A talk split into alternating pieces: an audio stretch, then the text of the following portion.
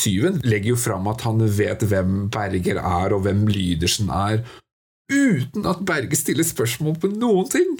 Altså, Han ene døde, han ene ble slått ned, og den tredje er meg. Hvem er du? Ja. ikke sant? Ikke sant? Nei, du kan ikke være tyven, du må være en annen.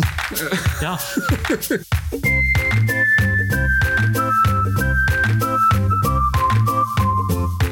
Hjertelig velkommen til en ny episode her på podkasten Norsk film er.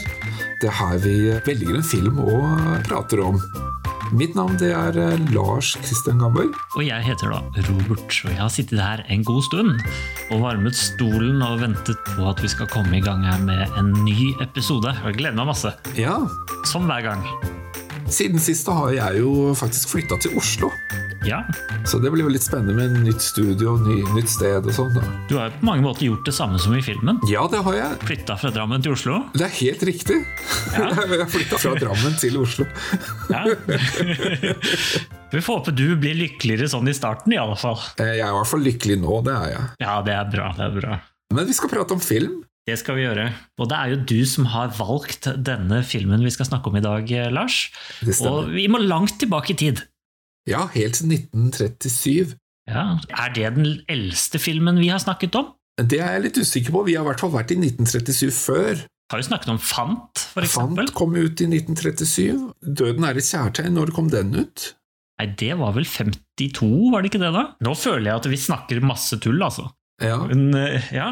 Jeg fikk det for meg at den var litt tidligere. ja. Men 1937 er i hvert fall en av de tidligste Ja. årgangene vi har snakka om en film. ja, det er fryktelig, fryktelig tidlig i grunn, og da vet vi jo alle sammen egentlig hvem som har laget filmen, for det er jo bare én omtrent som lager film i Norge i 1937. Ja, er det Ibsen? Det er jo Ibsen, ikke Henrik Ibsen, men Tankeredd Ibsen. Ja. ja, men hva er det vi skal snakke om, egentlig? Vi skal snakke om en film da, som heter To levende og én død.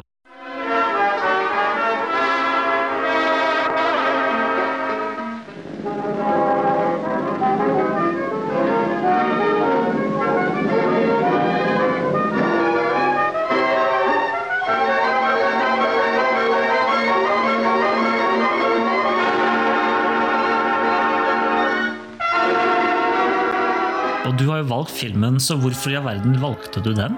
Jeg tenkte at jeg hadde lyst på noe krim og noe litt sånn mystikk og spenning. Og så um, sjekket jeg litt opp på hva man hadde gitt ut, da, som var litt av de eldre tider også. da. Og så havnet jeg da i 1937 på denne filmen, 'To levende og én død'. Det var ikke så mye krim og mystikk som jeg hadde håpet på da, i den filmen. Det var jo litt spennende også. Jo da, Kanskje, kanskje. I hvert fall litt. men det var ikke sånn tradisjonelt sånn Ok, hvem har gjort det? Hvem er tyven? Nei, det er sant. Etter hvert som ting begynner å avsløre seg selv, så er det veldig åpenbart hva som kommer til å skje hele tiden. Ja.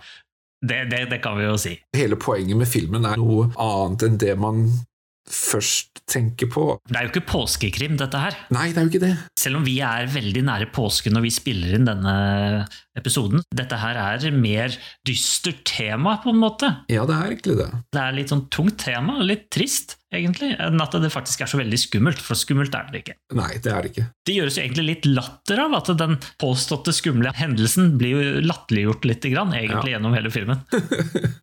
Men hadde du hørt om denne filmen fra før av? Eller sett den? Nei, jeg hadde ikke sett den på forhånd, nei. Eh, Men jeg har hørt om to levende og en død. Og dette her er jo en ganske kjent norsk film.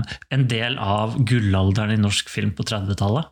Ja, for vi har jo snakka om 1937 før også. Hva var det som egentlig kom ut på den tiden? Det var jo mye rart, men eh, det er spesielt da én film som i dag er veldig kjent, og det er jo den første animerte spillefilm med lyd, 'Snøhvit og de syv dvergene'.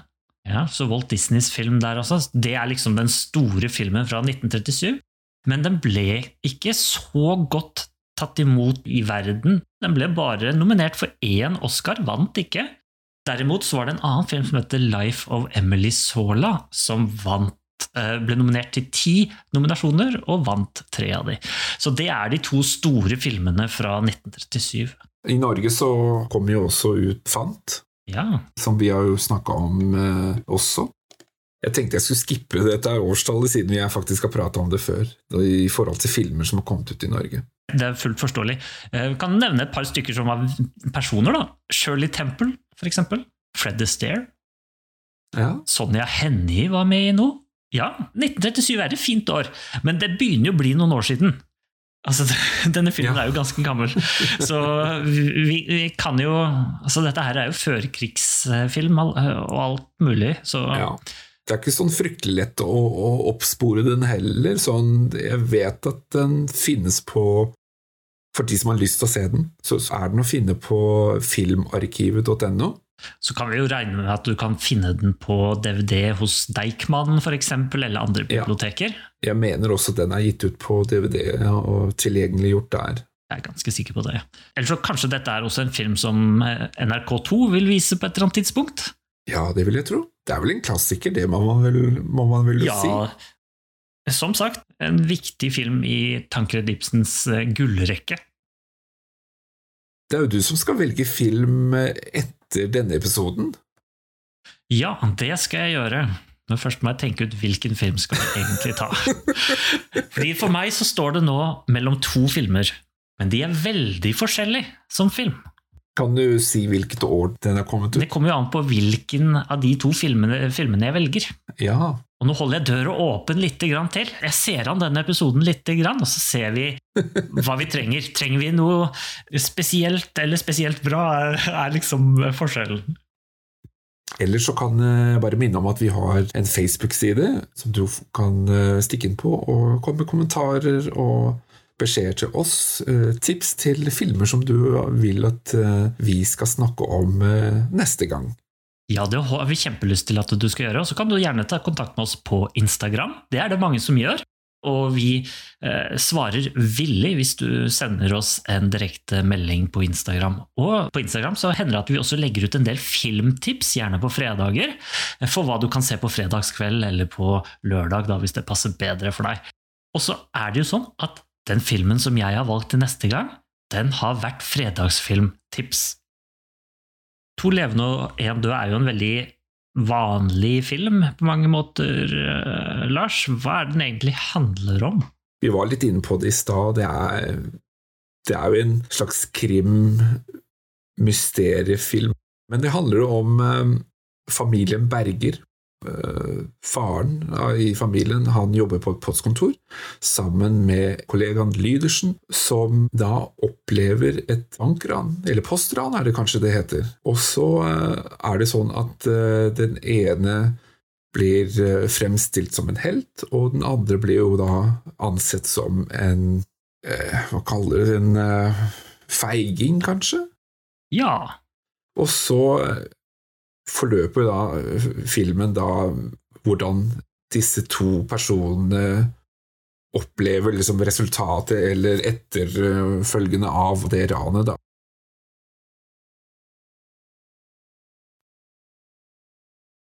Og så skjer det da et klimaks mot slutten. det blir jo riktig spennende der, et bitte lite sekund.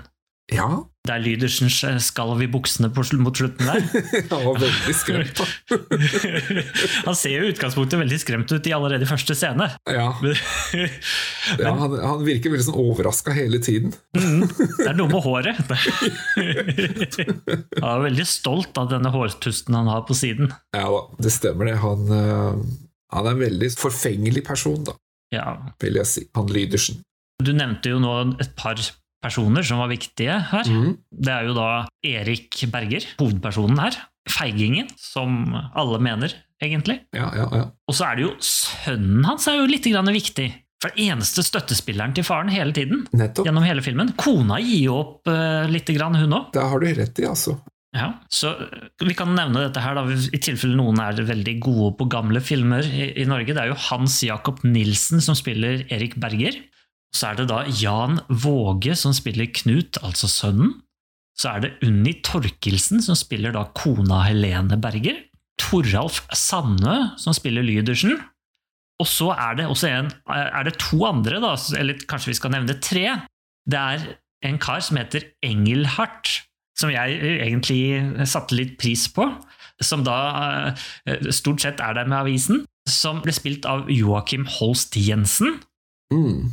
Og så har vi jo Å, kjære vene, som da heter så mye som Lauritz Falk. Ja, Lauritz Falk, ja.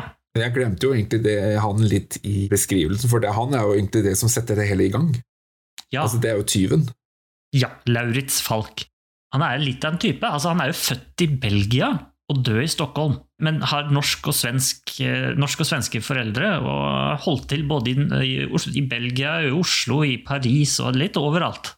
Så han er omreisende skuespiller og helt sikkert bad boy. Ja. Det virker litt sånn. Han er jo egentlig den, eh, hva skal man si, den ærlige kriminelle tyven, hvis man kan Ja, si det er helt riktig. Og, og han har også spilt i masse kjente filmer. Ja. Han spilte i Gjest Bårdsen, for eksempel. Ja, Han har spilt i eh, Å, kjære vene, hva heter den for noe rart, da? En herre med bart. akkurat. Ja.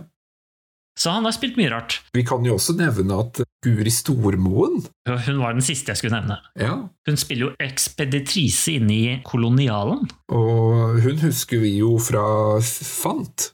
Ja, hvor hun fikk bank. Ja. Men vi kan jo også nevne de som har vært bak kamera. Altså, som du nevnte i stad, Tankred Ibsen står jo for regien sammen med Gyda Christensen. Hvordan de har eh, fordelt arbeidsoppgavene der, det er jo vanskelig å si, men i hvert fall Tankred Ibsen har jo teknisk regi, og Gyda har eh, replikkinstruktør, da. Det er vel kanskje en slags sufflør, eller noe sånt? Kan- Litt skriptaktig, kanskje. Eh, Noe sånt. Eller så var det en annen fyr jeg lot meg merke i. Karsten Carlsen. Han lagde originalmusikken, eller musikken, til dette. Ja. Det var jo fint. Eller så er det jo også greit å nevne at dette her faktisk er et manus basert på en bok som kom ut en seks-syv år før, og som også var relativt populær. Eh, Og at filmen generelt, når den kom i 1937, slo godt an. ja. Ble skrevet av Sigurd Kristiansen. Hadde du lest boka? Nei, det har jeg ikke. Nei, ikke jeg heller. Vi kan jo også nevne at denne filmen er jo faktisk blitt remaka, som man kaller det på godt norsk. Altså en tsjekkisk filmatisering, basert på boken da selvfølgelig, kom ut i 1950. Men også en, en britisk utgave kom i 1961, og da er det jo eller det er kanskje mer en britisk slash svensk filmatisering, da, fordi handlingen foregår i Sverige. Og jeg mener det er en engelsk skuespiller med, altså, men så er det jo en rekke svenske skuespillere også. Så den hadde jo vært litt artig å sett, egentlig, eh, for å sammenligne. Jeg ble overraska over at du ikke tok og gikk for navnet på den tsjekkiske filmatiseringen. Oh, ja, Mrtvi Mesi Tsivimi. det høres veldig riktig ut, eh, Robert. Ja, det, jeg tror det stemmer. Hvis det er noen som vet hvordan man uttaler det, så gi, send gjerne beskjed til oss. Jeg håper ikke det blir en del. det blir kanskje klagestorm. Ja, jeg er redd for det. Ja. Gjør så godt vi kan. Men eh, sikkert verdt å, sjekke ut hvis du er interessert i boken og, og, og historien. Tsjekkisk film. Ja. En belgisk film. Eller belgisk. Ja, det er en belgisk eh, versjon, Versjon også. Ja, Ja, ja. stemmer. Jeg vet at det var snakk om at de ville lage en ny versjon, og jeg mener at det der kommer opp sånn i ganske jevne mellomrom, å lage en ny versjon av To levende og en død. Jeg ser jo for meg at f.eks. for eksempel å gjøre Aksel Hennie til, eh, til da denne feigisen, det er ikke så dumt, det, altså. Ja, hvem skulle vi hatt som tyven, da? Atle Antonsen? Nei, nei, nei, nei. Atle Antonsen hadde jo passa bedre som Lydersen. Som Lydersen. Ja, ja, selvfølgelig. Ja. Og så har du, ja, ja, og så har du Otto Jespersen som uh, som banditt. ja, det hadde vært en eh, artig trio, det der. Ja, det hadde vært artig, det. Nei, jeg tenker jo det at Lydersen, det er en Nils Vogt. Ja, Begynner å bli litt gammel for å være da er vi jo tilbake den, men- til 1937, er vi ikke det? Nei da. Jo, det er ikke langt unna. Nei, det var stygt sagt. Nils Vogt er en fin fyr. Han er, eh, han er kul. Ok, skal vi Ja, skal vi Ja. bare hoppe i gang? Ja, nå må vi begynne.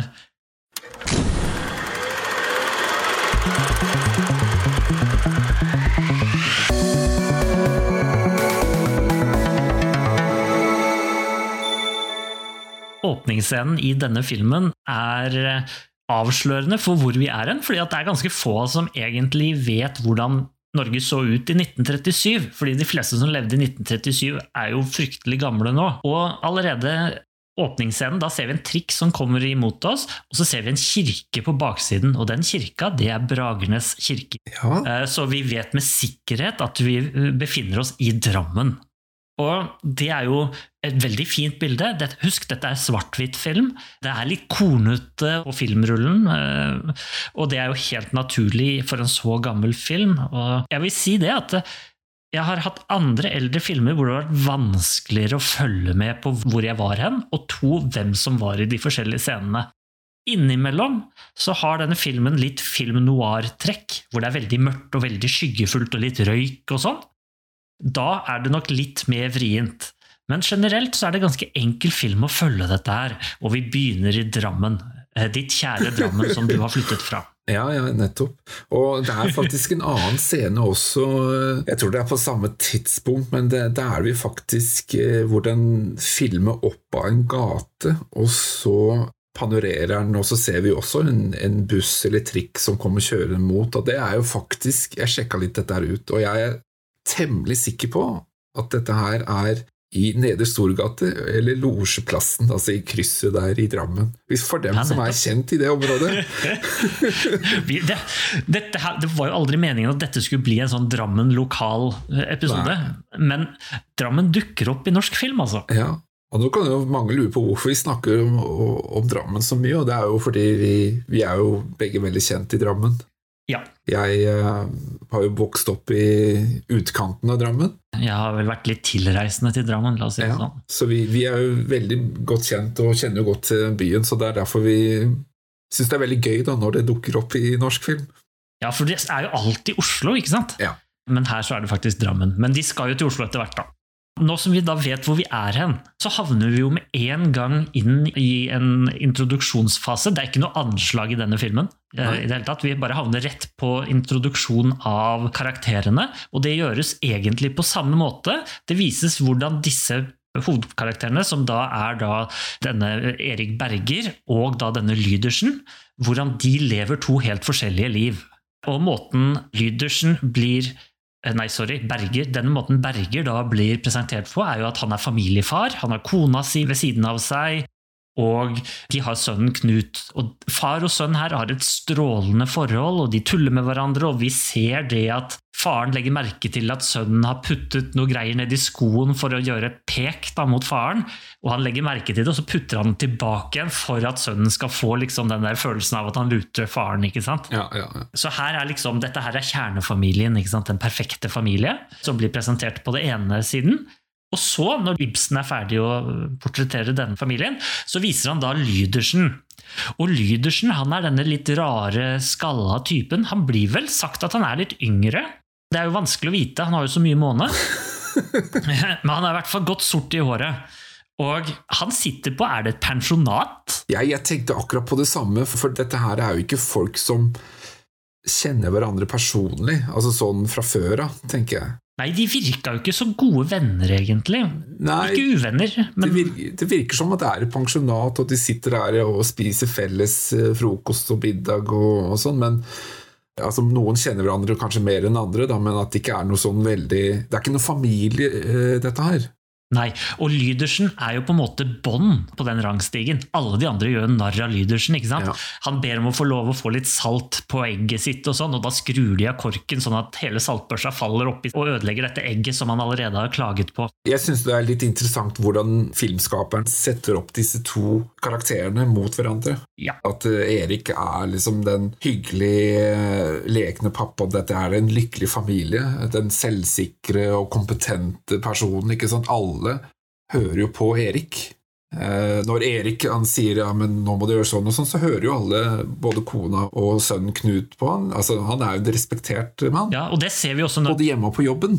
ja, fordi at når han går på jobb sånn i etterkant, da, at de blir presentert alle, altså disse to personene, hovedkarakterene, de jobber jo på samme sted, og begge to blir jo, eh, blir jo møtt på jobben på to forskjellige måter. Lydersen er den lille Han er liksom eh, Han er den minst eh, godt ansette på jobben, ikke sant? Mens Berger, Erik Berger, han forventer de at kommer til å få en eh, forfremmelse til postfullmektig. Og alle snakker liksom positivt til han, og han er liksom en bra person og sånt noe. Men dette her temaet om den forfremmelsen er jo faktisk noe som dukker opp allerede i første scenen, altså i, på frokostbordet hos familien Berger. Og det er jo kona ja. som kommer inn på det temaet, ikke sant. Og det er jo på en måte noe som de har sett fram til, både mannen og, og hele familien. Ja, det er klart. Husk, dette er Norge på 1930-tallet. og Det er litt trange økonomiske kår. ikke sant? Ikke så en forfremmelse, det er kjempebra. Og det, som, det, er, ja. det, er, også en ting, fordi at han, de, sønnen tar jo syltetøy på, på brødskiva. ikke sant? Og faren sier, du, han sier det på en spøkefull måte, at nå må du ikke ta mer uh, syltetøy på. ikke sant? Men det er jo et form av alvor i det, fordi at de har jo ikke så mye penger. Så det er, ikke ta alt syltetøy med en gang. Ja, ja, ja. Syltetøy er gode. Men det er også eh, sånn i forhold til det der med den forfremmelsen og det temaet. fordi når vi da beveger oss over til den neste scenen, altså som vi har vært inne på, altså der hvor Lydersen sitter på dette pensjonatet sammen med de andre, så er jo det temaet også oppe. Så det er egentlig litt interessant hvordan eh, de setter disse her eh, karakterene opp mot hverandre. altså Hvor den ene er, er godt likt, og den andre er mindre troverdig person og ikke frekk er han også, uhøflig og nedlatende mot de andre gjestene. Ja, ikke sant? Eh, og også på jobben, ikke sant? Altså, han, han er jo ikke godt likt. Helt enig, helt enig. Og da denne ene som er, er da på dette eh, pensjonatet som heter Engelhardt ja. Han sitter jo bak avisa der liksom og ser over kanten og ser på hvordan denne, her, eh, denne Lydersen liksom brysker seg på, på alle mulige måter. Og han sier jo rett ut at eh, denne Lydersen han er jo en idiot, altså han er jo ja. dum. Ja. Han er, mangler intelligens, eller noe sånt, sier han. Han sier det på en sånn underfundig måte. og det jeg tenkte nå at han er en skikkelig drittsekk, egentlig, som driver og sier sånn. Men, men, det er nok liksom et Det er en replikk som kommer på bakgrunn av at Lydersen har jo oppført seg sånn her gang på gang på gang på gang, ikke sant? Ja. Og det er ganske entydig at uh, det, er, det, er, ikke så mange som liker Lydersen. Ingen liker Lydersen. Men dette her skal jo endre seg litt sånn utover filmen. Ja. Og det er egentlig litt interessant hvordan dette her frokostbordet For det, den scenen, eller det stedet, dukker jo opp flere ganger. Og da vil vi jo etter hvert, eh, på hver scene vil vi se hvordan ting har faktisk endret seg, og hvordan disse her folkene rundt Lydersen plutselig er blitt mye mer positive overfor Lydersen. Ja. Eh, og det skjer jo da på samme stedet. Det som vi også ser på, på det pensjonatet, er jo faktisk tyven. Han sitter jo ved bordet. Det er sant. Det gjør han. Jeg sitter og ser på han nå. Ja. Han sitter jo der ved bordet, han. Jeg la faktisk ikke merke til han eh, i første, når jeg så filmen første gangen, men han sitter jo der.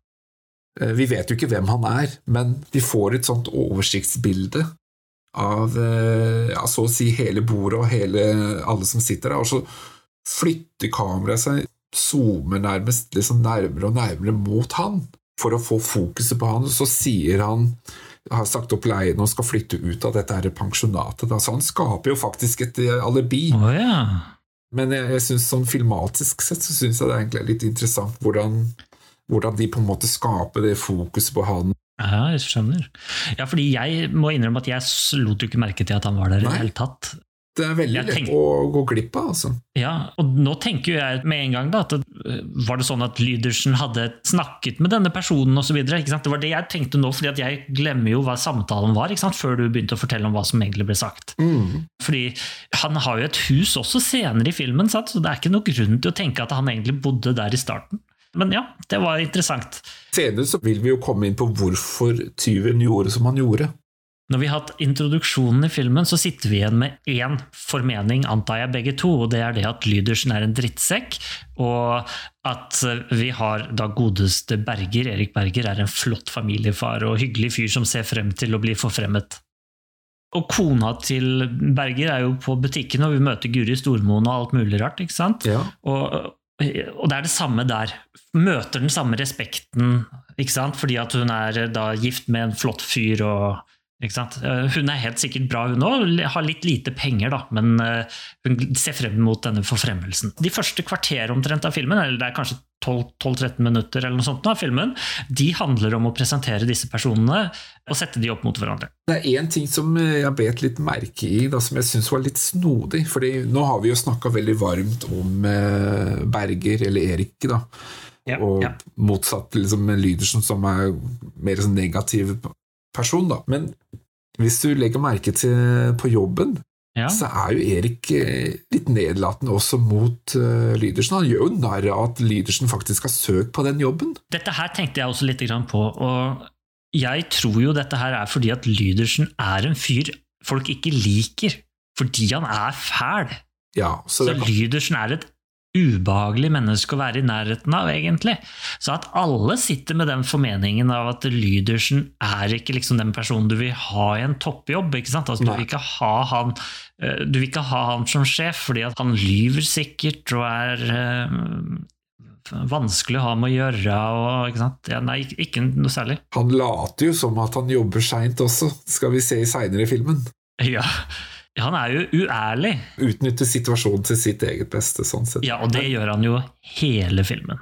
Så det, det at eh, Erik er nedlatende, kan man jo kanskje synes er litt rart, men det er kanskje mer fordi han ikke anser Lydersen som egnet til den stillingen. Ikke kanskje noe personlig, da, selv om det kan kanskje se sånn ut, da. Jeg tenker også på det at, eh, at vi har jo da Erik. da. Han har jo helt sikkert på dette tidspunktet nærmest fått en forsikring om at han får den jobben. Ja. ja, altså alle går jo rundt og tenker at han får den stillingen. Ikke sant? Og det er jo egentlig litt eh, interessant, akkurat det der med arbeiderklassens rolle og hvordan filmen fremstiller arbeidslivet. Altså det her med forfremmelse sidestilles jo med suksess og fremgang, og spesielt for arbeideren sjøl. Men det er det jo helt åpenbart òg. Ja, og det er jo viktig, for det er jo status, ikke sant, og det er jo Man får jo øh, kanskje høyere lønn og får mer innflytelse på jobben. Ja. Husk også her at eh, kona sier på et tidspunkt, eller han sier til kona si, at eh, når han får forfremmelsen, skal hun få lov å kjøpe en ny kjole. Ja, Og det er da altså den kjolen hun går i, og den har hun gått i i to år. Hun har ikke kjøpt noen nye klær på to år. Det betyr at du har ikke så mye. ikke sant? Så det, eh, Husk at dette også er på et tidspunkt hvor liksom det å ha nye klær og sånn var noe man gjorde hvis man hadde råd til det. ikke sant? Men man hadde ikke råd til det. Derfor gikk man i det samme dag ut og dag inn, og det ble slitt osv. Selv om du har en mann som jobba øh, lenge. Og det skal vi også se på klokka, f.eks. At øh, når de viser at dagen går, så slutter jo han sent på kvelden. mm. Ikke sant? Så det er ikke mye fritid på slutten av dagen. eh, Nei. Det er jo ikke det. Litt for å avslutte det her med, med arbeidslivet og arbeidsklassen. Altså, vi, vi må jo tenke på at dette her er jo 1930-tallet, og da er jo arbeiderne er jo ekstremt viktig i Norge. Det er jo de som skal bygge landet, det er jo de som skal drive samfunnet. Dette her henger jo litt sammen med industrialiseringen fra 1850. Håndverker, ikke sant. Altså, arbeiderne fikk jo rettigheter, arbeidstvistlov som kom i 1915, ikke sant. Og selv politisk sett så var jo arbeiderklassen veldig viktig. Og dette her er heller ikke de som er lengst nede på rangstigen. på noen som helst måte. absolutt ikke. De jobber jo i postvesenet, ganske høyt oppe på mange måter på den kommunale stigen. Vi har jo ikke med liksom den fattige og de som har det dårlig og sånn. Altså, disse her har til salt i maten, men de har bare akkurat til salt i maten, på en måte. Så de, er liksom, de har hodet over vannet, men ikke så veldig langt over. Jeg, jeg vil jo tippe at dette her er kanskje sånn nederst på middelklassen, kanskje. Hvis man skal Ja, ja. sammenligne det litt, da. Ja, kanskje. Disse her har det greit, altså. Ja, ja, det tror jeg også. De er ikke lutfattige som fryktelig mange var, men en forfremmelse er likevel fryktelig viktig. La oss hoppe videre til indrefileten i denne, denne filmen. Til eh, selve bankranet. Ja, Eller postranet, er det vel. Postranet, ja, det er helt riktig. De stikker av med postkassa. Ja, Det er jo da selvfølgelig den kassa som, hvis man ikke er kjent med det, så er jo det da der pengene som hadde gått til porto, havnet. Og husk det at eh, folk sendte jo enormt mange pakker og brev, fordi at det var jo den måten du kommuniserte på. Det var jo dårlig med telefonnettverk, altså det fantes jo, men altså det, var jo, det var dårlig med det. Og så skrev man brev, fordi man hadde, man skrev, hadde jo ikke noe e-post eller lynmeldinger eller SMS-er eller sånne type ting. Du skrev kort eller brev og sendte de sider lange, og de veide jo mye, og da kosta det litt å sende de også. Og alle disse pengene skulle havne et sted. Ja, og så tenker jeg også altså, Verdipapirer og alt mulig sendte man jo med post. Så, så, det var ikke bare postkort og sånn fra ferier og sånn. Det det. Det, det var alt, nei, mulig, alt mulig som man sendte mellom land og strand rundt. Som, altså, det var jo en stor, en stor næring, akkurat det der bare posten i seg selv. Ja. Det som jeg syns er interessant her, er at vi vet jo hvem tyven er. Så da vil jo kanskje de, de smarteste av oss, altså ikke meg, tydeligvis, legge merke til at det er han som satt ved middagsfrokostbordet. Ja, for vi ser jo ansiktet hans. Ja, Han tar jo på dette skjerfet, og Ja. dette skjerfet er jo Jeg lurer på om han har det skjerfet eh, fordi at det gjør han skummel med skjerf, eh, eller er det fordi at han skal være lett å kjenne igjen? Man vil jo ikke kjenne igjen ansiktet. Nei, så derfor må vi ha skjerf og liksom kjenne han Ja, med. ja, ja på den måten, ja. Ja, ja, ja, ja, ja. Ja. Eh, Men jeg vil også nevne det at i måten dette er blitt filmet på, at han liksom går fra, går fra hjørnet og inn i posthuset, Mm, eh, det er litt sånn film noir-aktig. absolutt. Man Eh, ser som- skyggene beveger seg på veggen, og, og det er mørke, her- mørke scener, eller lite opplyste scener. Ja, ikke sant? Men, det, men også veldig opplyst noen steder. Ja. Og det var veldig i vinden på 30-tallet, ikke sant? Ja, ja, ja. Med slutten av 30-tallet. Så dette her er nok en hypermoderne film, da.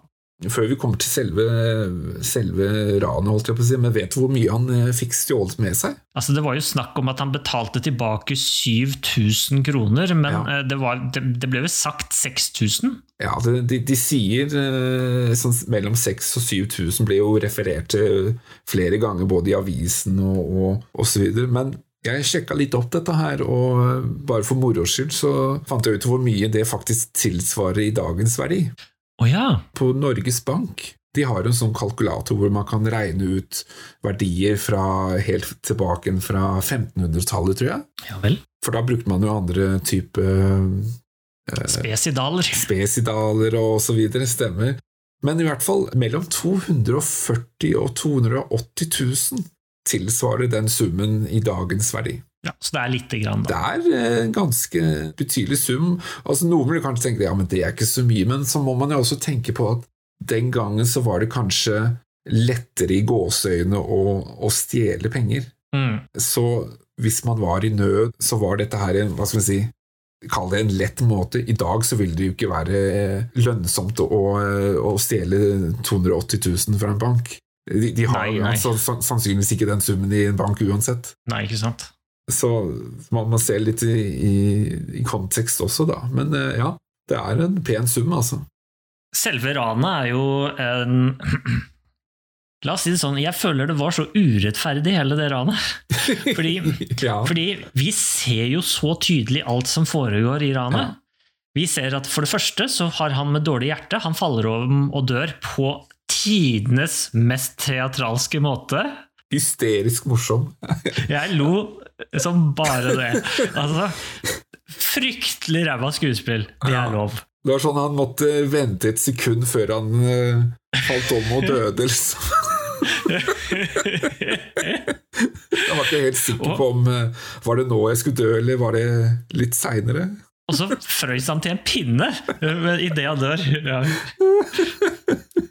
Men når det er sagt, så var det jo helt åpenbart at når jeg visste at det kom, dette kom til å skje et bankran, og jeg hørte at de tidligere hadde fortalt å ja, men jeg, jeg har dårlig hjerte, så jeg jobber her i Posten, så det, her skjer det jo ingenting. Da skjønte man jo at han kommer til å daue, ikke sant? Ja, ja. Eh, Og der er derav jo tittelen også. To levende og én død. Helt riktig. Og de to andre levende er jo da de to andre kara som nå blir møtt etterpå, Ja. hvor du da har godeste åh, Lydersen. Lydersen, Lydersen, ja, som gjør motstand. Det er helt riktig, han gjør jo faktisk litt motstand. Men den motstanden er mer det å løfte armene og si 'hjelp'! Ja. og så blir han kakket i huet Ja. eh, og faller om. ja. Og så er det jo den som faktisk gjør motstand. Så, eh, er det jo det at han Når han møter eh, tyven ansikt til ansikt, så, så begynner han jo å tenke på det som faktisk er viktig i livet. Ja, helt og det er familien sin. Helt riktig. Men han kunne jo hele tiden sagt at ja, men vet du hva, jeg gjorde masse motstand. Fordi han hopper jo foran tyven, og han holder jo armen til denne revolvermannen sånn at han ikke skal prøve å skyte ham. Ja, Han gjør jo helt åpenbar fysisk motstand, og så kommer denne flotte litt sånn eh, transition-bruken som var veldig hypermoderne på 30-tallet, ikke sant? Hvor han får minnene sine om kona og ungen, eh, ungen som driver og smiler mot han, og han skjønner liksom at han vil jo ikke dø, så han stopper, så lar han tyven ta pengene. Ja. Men det er også et, et, et lite poeng her, fordi i den her blendeeffekten, da, så ser han jo tyven med dette her tørkleet foran og øynene, ikke sant? Ja. Og det er det Erik fester seg ved, altså øynene, Mm. for det er Ja. det han Jeg vil jo tro at det er det som gjør at han kanskje kjenner igjen tyven litt grann, da, seinere. Tyven stikker jo av, ikke sant, og øh, det blir jo rabalder, og Så det er jo Erik som tilkaller hjelp, og politi og sånn. Lydersen han ligger jo på gulvet der og synger nattasang omtrent, ikke sant? Han, og later som at han er uh, veldig såra. ja, og, og det blir jo avslørt i neste scene igjen, hvor han er hos legen, og Lydersen sier det. Ja, 'Tror du jeg kan gå hjem?' Ja. Og, sånn, og legen der ler jo omtrent av han og sier 'Dette her kommer til å gå helt fint', liksom. Men jeg syns den scenen er også litt komisk. altså Lydersen sitter på legekontoret, og han liksom Ja, er, er det nok plaster? Og, og så skal han se med dette lille speilet sitt ikke sant, på, på, på, på pannen sin. Og, og så sitter han jo med den der plasteret på fingeren sant, som han ikke får av. Ja, og vifter med den og er så nervøs. Etter, og Går dette her bra? Kan jeg gå hjem? Og sånn. Og det tingen er at Han klarer ikke å se såret engang, ikke sant? Nei. Det er jo så lite. Så han, og til slutt så avslutter jo legen med helt åpenbart at han er lei av denne, denne Lydersen. Så spør han du får ta denne her også når, når du får vondt i hodet. Hva sier Lydersen? Får jeg vondt i hodet? Ja, det får du. du kommer til å få kjempevondt. Og da blir han enda mer nervøs. ja, ikke sant? Men ser du hvem legen ligner på? Legen? Ja, Han ligner på en blanding av to norske kjente personer. Ah, jeg bare la merke til den der eh, fine sleiken hans. Ja, Men eh, nei, hvem eh, Jeg fikk sånn derre blanding av Helge Jordal og Tande P. Det var egentlig Tande P jeg tenkte på, altså. Ja, når du sier Tande P, så, så, um, så husker yngre, jeg ikke sant? Ja. Helge Jordal er jeg litt mer usikker på. Ja, Det er litt litt sånn nesa og ansikt. Ok. Ja. Ja, Det, er, det er også en yngre der òg. Fordi jeg kan ikke sammenligne en ung mann med to gamle viser. Det går ikke. Nei. Artig scene med legekontoret. Ja da, veldig artig. Det er kanskje egentlig filmens beste, syns jeg. Å ja, ja, nettopp. Ikke Ja, så I hvert fall morsomste. Det, det er jeg kanskje enig i. Men Erik han blir jo kalt inn til politi og på politiavhør. Og dette skal jo være samtidig da, som Ja. at han er hos legen. Vi kryssklipper litt. Ja, og denne dette legekont... Jeg tenker ikke å si så mye om det, annet enn at han blir jo ikke trodd av politimannen, for politimannen prøver liksom å tenke liksom Kan han ha samarbeida med tyven? Ikke sant? Ja, ja. Og dette skjønner ikke egentlig Erik at det er det han vil. Og, og de snakker litt mot hverandre på en måte, og over hverandre, sånn at de ikke forstår hverandre i det hele tatt. Så han kommer ut derfra med en politirapport som ikke er veldig positiv for seg selv, som påstår at han bare ga bort pengene. Ja, for det, det er jo tydeligvis at uh, politiet og egentlig alle andre, de har jo en formening om at, at hvis man skal bli trodd, så skal man på en måte gjøre motstand, man skal, man skal på en måte bli såret, og man skal altså det, det er litt det der Ja. Den ene døde jo, den andre fikk hakk i huet. Ikke Ja, sant? det er jo klart Og det det er de her som blir trodd, ikke sant? for det er, de, det er de som på en måte får sympatien. Ja, Erik sto jo der og holdt denne revolvermannens hånd, ikke sant? Potensielt gjorde noe fryktelig traumatiske greier, og så blir han ikke trodd i det hele tatt. ja, ja. Og så var det det jeg tenkte å si om det. Ja. Fordi neste scene syns jeg òg er fryktelig komisk. Ja, er vi på er jo tilbake på pensjonatet? Ja, og Lydersen er inne på rommet sitt og driver og nå skal finne ut av hvordan kan han få det beste ut av denne forferdelige situasjonen han har kommet opp i. Så han driver og bandasjerer hele ansiktet som han skulle være mumie. Stemmer det. Åh, den Og det er, den får du ikke til å altså. sitte skikkelig og Ja, han må gjøre flere forsøk også. ja, Det er rett og slett litt komisk. Når han endelig får dette eh, surra rundt, og så har han jo hele hodet surra rundt i eh, bandasje, og så er det denne lille hårtussen som stikker ut på, eh, på venstre side. Ja, Og den tar han da og grer veldig nøye og veldig flott. Han er ikke sant? forfengelig. Ja, ja, ja. Uh. Det er ikke noe rart, det. Han må jo se sitt beste når han skal gå ned i pensjonatet, der alle disse damene sitter. ikke sant? Og disse damene skal jo høre at han er helten som ble slått ned av en revolver. Og... Men han har jo tydeligvis skjønt at liksom, jo mer stakkarslig han ser ut, jo mer sympati og oppmerksomhet får han. Så, så det er jo som du sier, han utnytter jo dette her. Ja. Og det her har jeg tenkt på en ting litt når jeg så på dette her.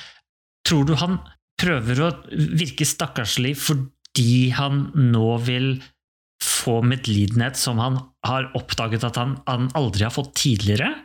Mm. Eller tror du at han gjør det fordi at han er så dum som alle skal forestille det seg, og at han nå også tenker at vet du hva, nå, nå skal jeg vise hvem at jeg kan?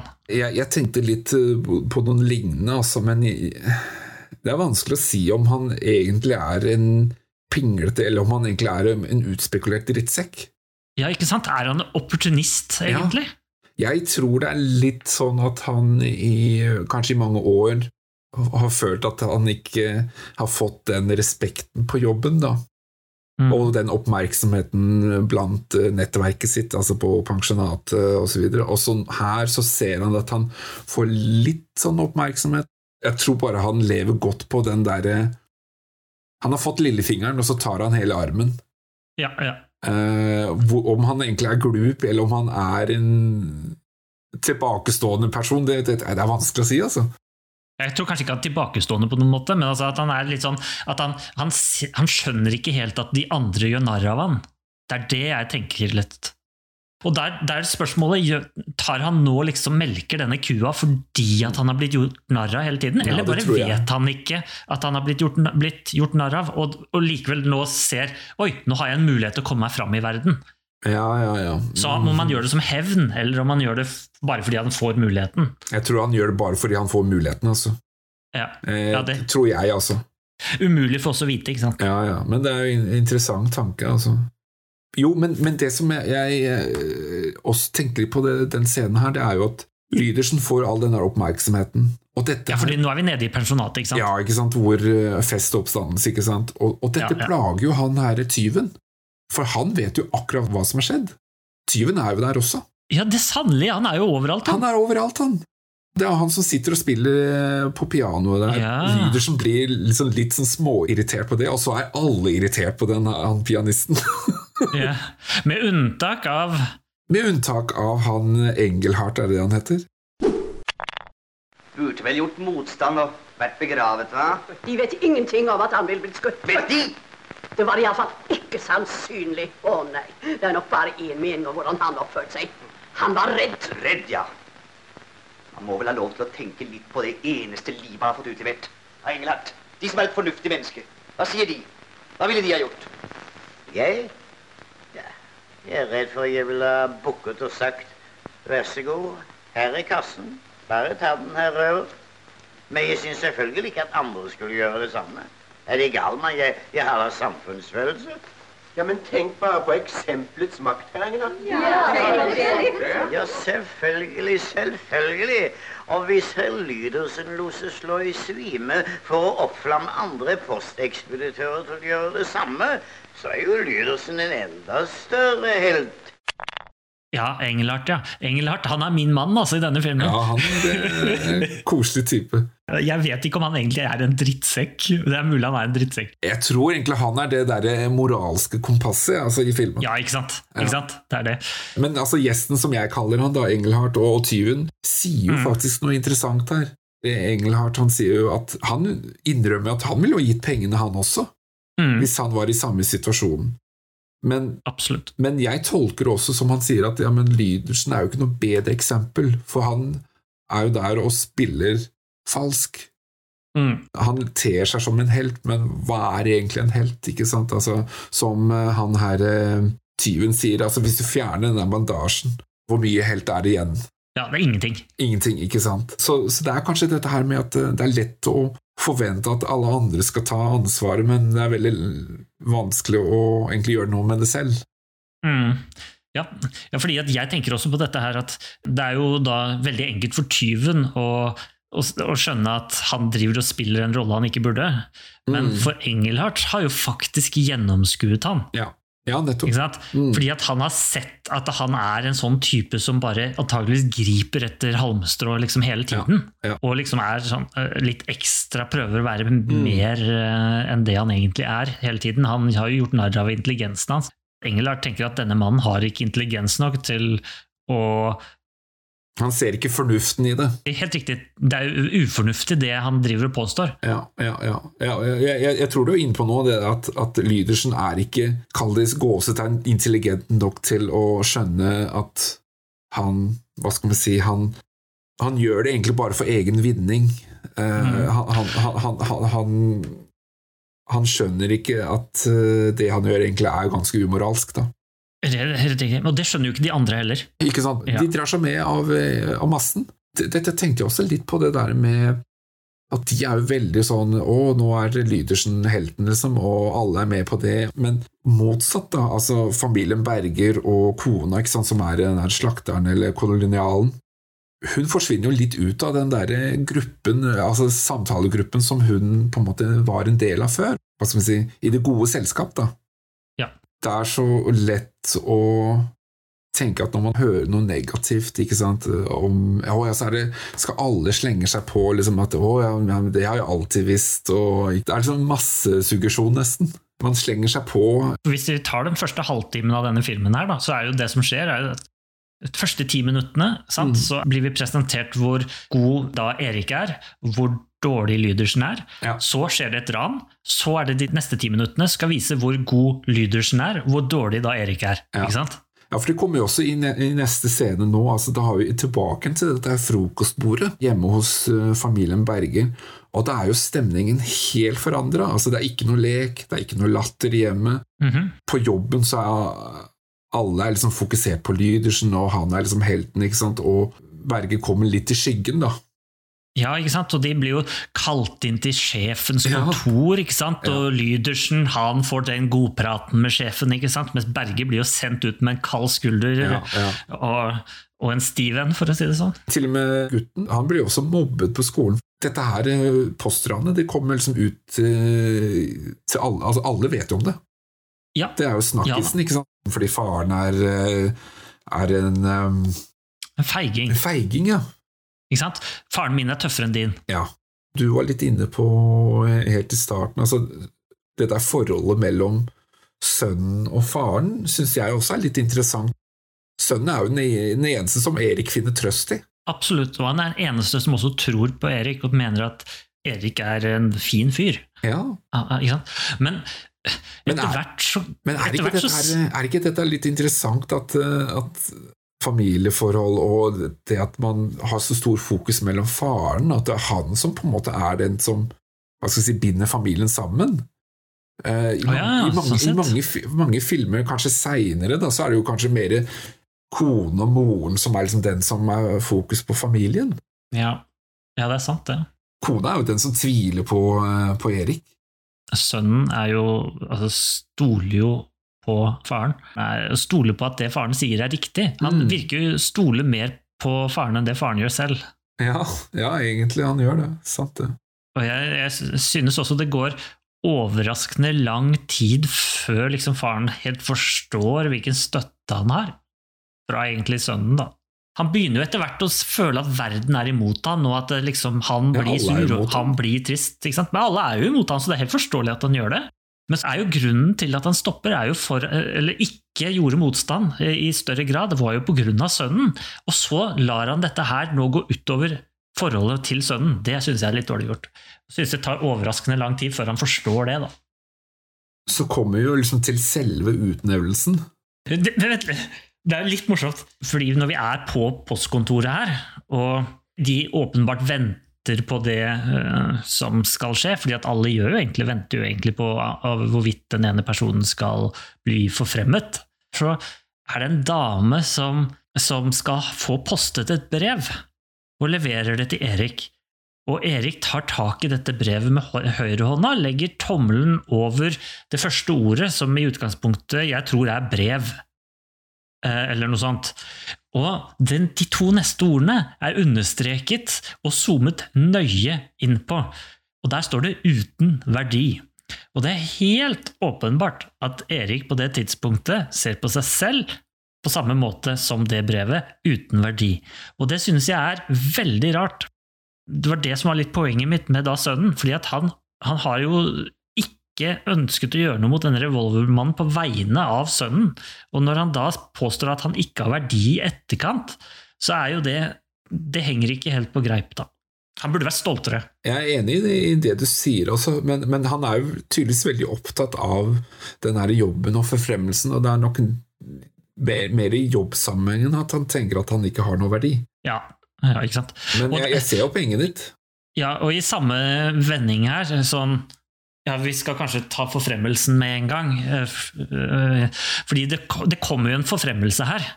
Eh, og det kommer en postmann, eller et sendebud, ifra, telegrafisten.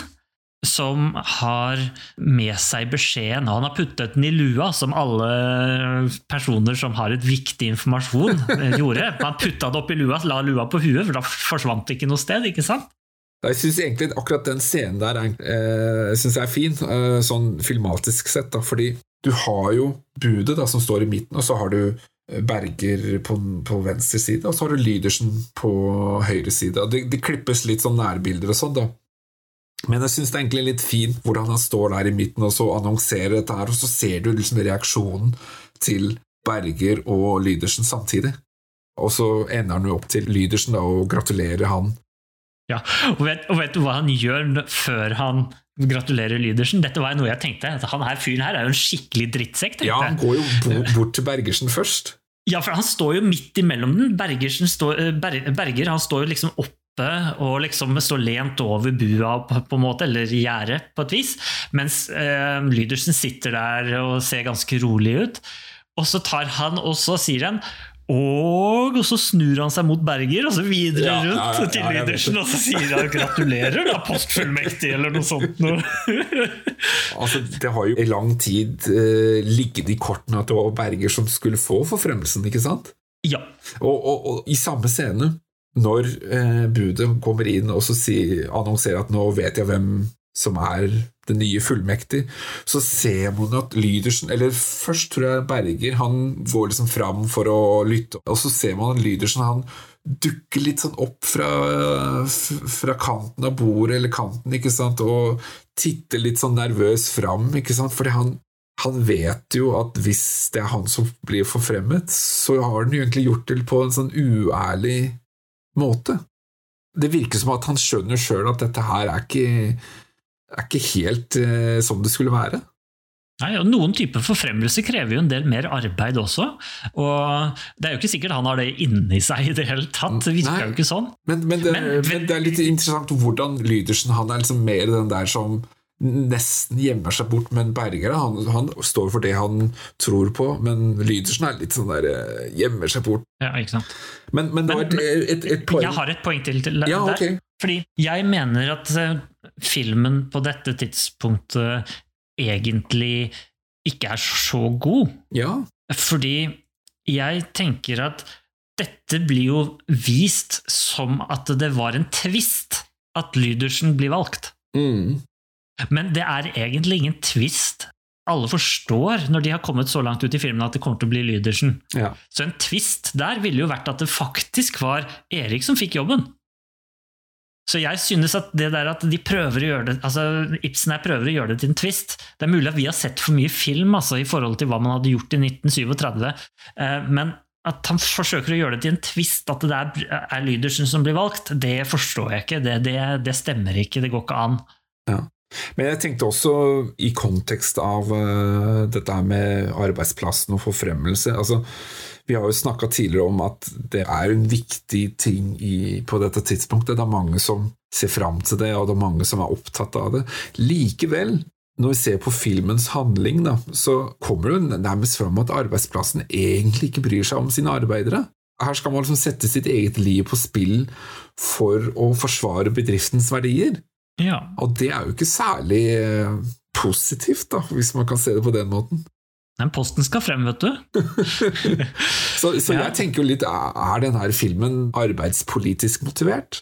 Ja, helt sikkert. Vi er jo midt, i, eh, midt oppi dette her med at arbeiderklassens rett og, og, og så videre. Vi kan jo også tenke det på en annen måte. Denne boka som denne filmen er eh, laget rundt, ble jo skrevet var 1931 eller noe sånt. Ja, ja. Og børskrakket fra USA traff Norge gjerne to år etter, altså 1931.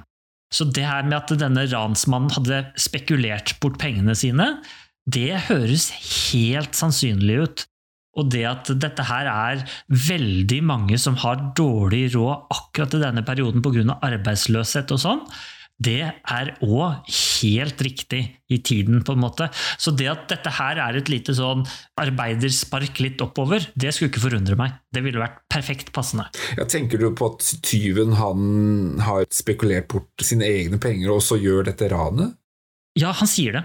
Ja, ok. Ja, Når, når de er i leiligheten hans Ja, og snakker til Erik, så sier han at han hadde spekulert pengene bort. Og Det antar jeg da var på aksjehandel i forkant av børskrakket. Og så sier han at han har spekulert sine og andres penger. det kommer jo fram at han selv er jo bankfunksjonær. Kan du tenke at han har tatt penger fra banken og så bare stjålet pengene? Det, det tviler jeg på, egentlig. Jeg tipper at det er folk som har satt penger inn i banken for at han skal investere dem. Kanskje.